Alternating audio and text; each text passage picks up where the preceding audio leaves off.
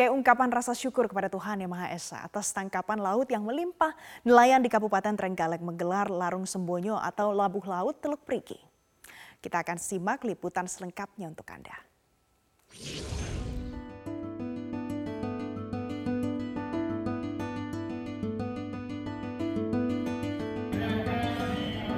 Nelayan yang beroperasi di Pelabuhan Perikanan Nusantara Prigi, Trenggalek, Jawa Timur menggelar upacara adat Larung Sembonyo.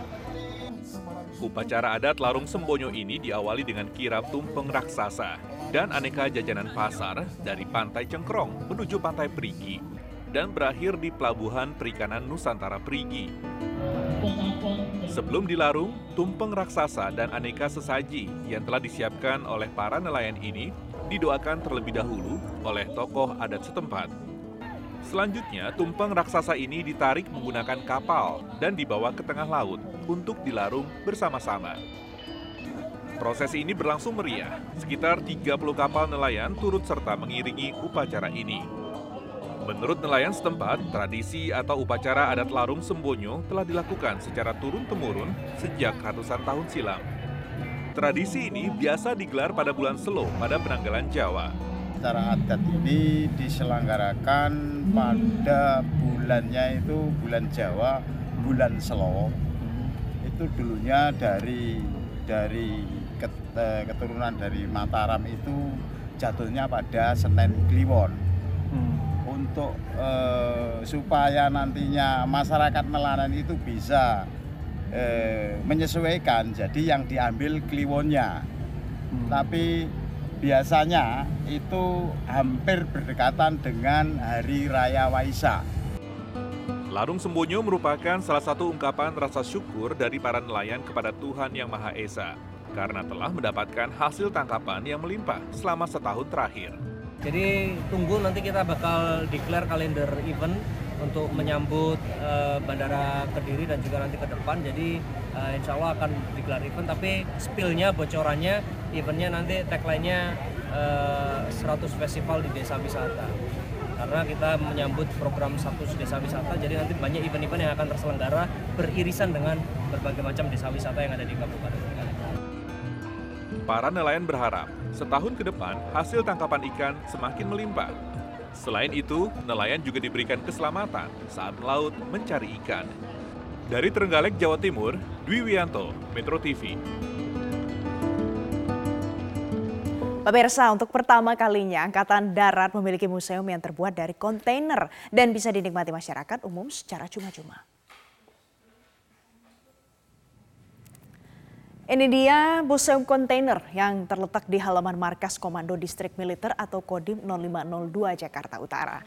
Nah, museum yang baru diresmikan tepat di hari jadi Kodim Jakarta Utara pada 23 Mei lalu ini menjadi satu-satunya museum di Indonesia yang terbuat dari kontainer pemirsa. Ide pembangunan museum ini terinspirasi dari Kodim Jakarta Utara yang dekat dengan pelabuhan Tanjung Priok dengan pelabuhan yang menjadi tempat bongkar muat barang menggunakan kontainer. Pembangunan museum kontainer ini membutuhkan waktu tujuh bulan dan berisi tentang sejarah TNI Angkatan Darat dan diharapkan museum ini bisa mengedukasi masyarakat secara luas.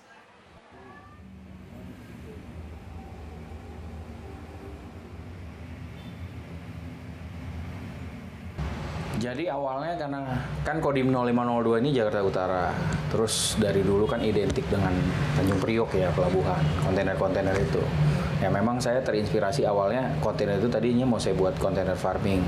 Cuma dengan biaya yang cukup mahal akhirnya saya berpikir keras coba apalagi saya browsing browsing sampai akhirnya ketemu oh ini museum militer belum ada nih di kontainer. Akhirnya saya memutuskan untuk membuat museum dengan kontainer Pemirsa tim Densus 88 anti teror Polri menangkap seorang terduga teroris di Banyuwangi, Jawa Timur pada Sabtu siang. Pria berinisial SN yang ditangkap tim Densus 88 dikenal berprofesi sebagai dosen dan pengacara di Banyuwangi. Seorang terduga teroris berinisial SN yang ditangkap tim Densus 88 anti teror Polri pada Sabtu siang kemarin di Banyuwangi, Jawa Timur diketahui berprofesi sebagai pengacara dan tenaga pengajar di PKBM At-Taubah serta salah satu perguruan tinggi swasta di Banyuwangi. SN ditangkap di kediamannya di Dusun Susukan Kidul, Desa Geladak, Kecamatan Rogo Jampi, Banyuwangi. Kepala Desa Geladak Haidir Sitki membenarkan jika ada seorang warganya yang ditangkap oleh tim Densus 88 anti teror Polri. Haidir menyebut terduga teroris SN memiliki gelar sarjana hingga strata 3 atau doktor.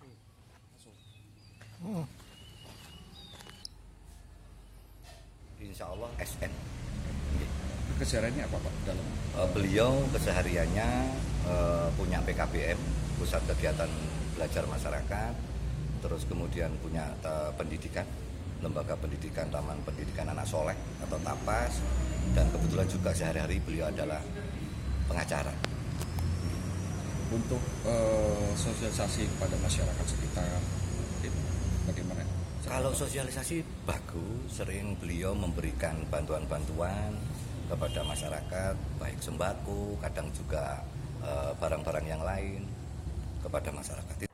Pemirsa kondisi RO gadis di bawah umur korban pemerkosaan oleh 11 pria dewasa yang tengah dirawat di Rumah Sakit Umum Daerah Undata Palu, Sulawesi Tengah terus membaik. Sementara itu dukungan terhadap korban mengalir dari para aktivis perempuan agar korban tetap kuat dan kasus pemerkosaan ini bisa diusut tuntas.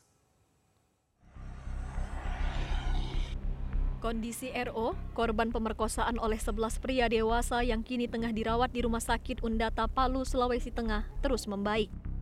Direktur RSUD Undata, Heri Mulyadi menyatakan, kondisi kesehatan RO saat ini sudah jauh lebih baik dibandingkan kondisi saat pertama kali masuk ke rumah sakit.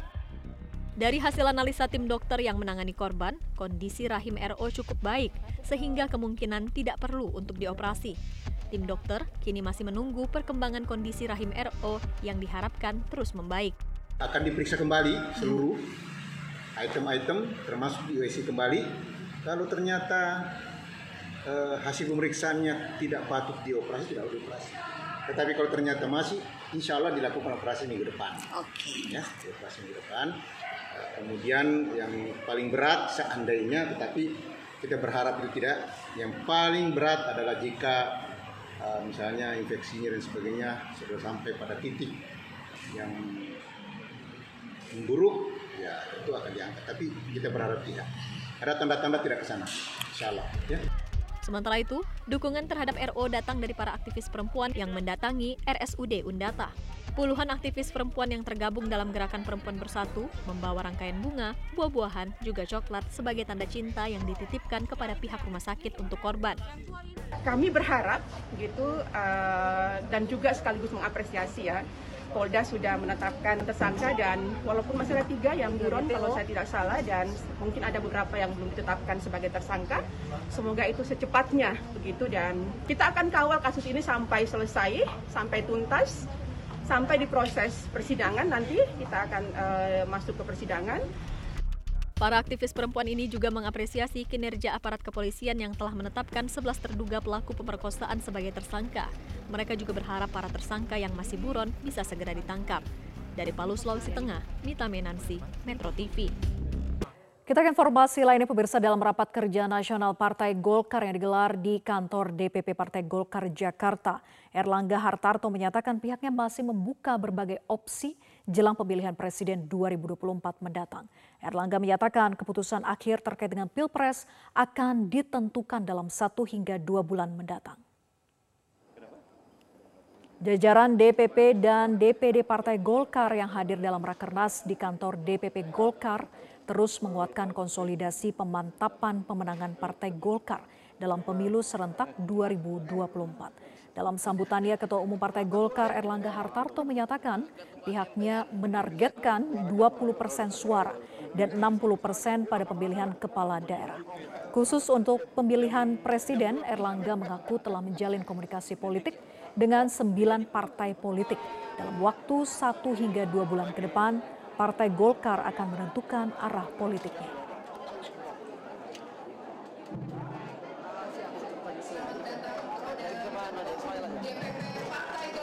Terkait pemilu presiden, kita sedang bersiap berkomunikasi dengan semua partai. Sembilan partai seluruhnya partai Golkar berkomunikasi. Dan partai Golkar sudah membicarakan pemilu presiden sejak tahun lalu. Artinya kita sudah bekerja satu tahun.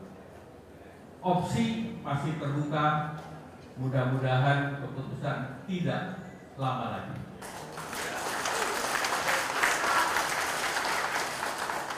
Jadi untuk teman-teman wartawan masih nunggu satu dua bulan lagi. Pemirsa Partai Golkar menegaskan bahwa Koalisi Indonesia Bersatu atau KIB hingga saat ini tidak bubar di tengah situasi politik yang begitu dinamis.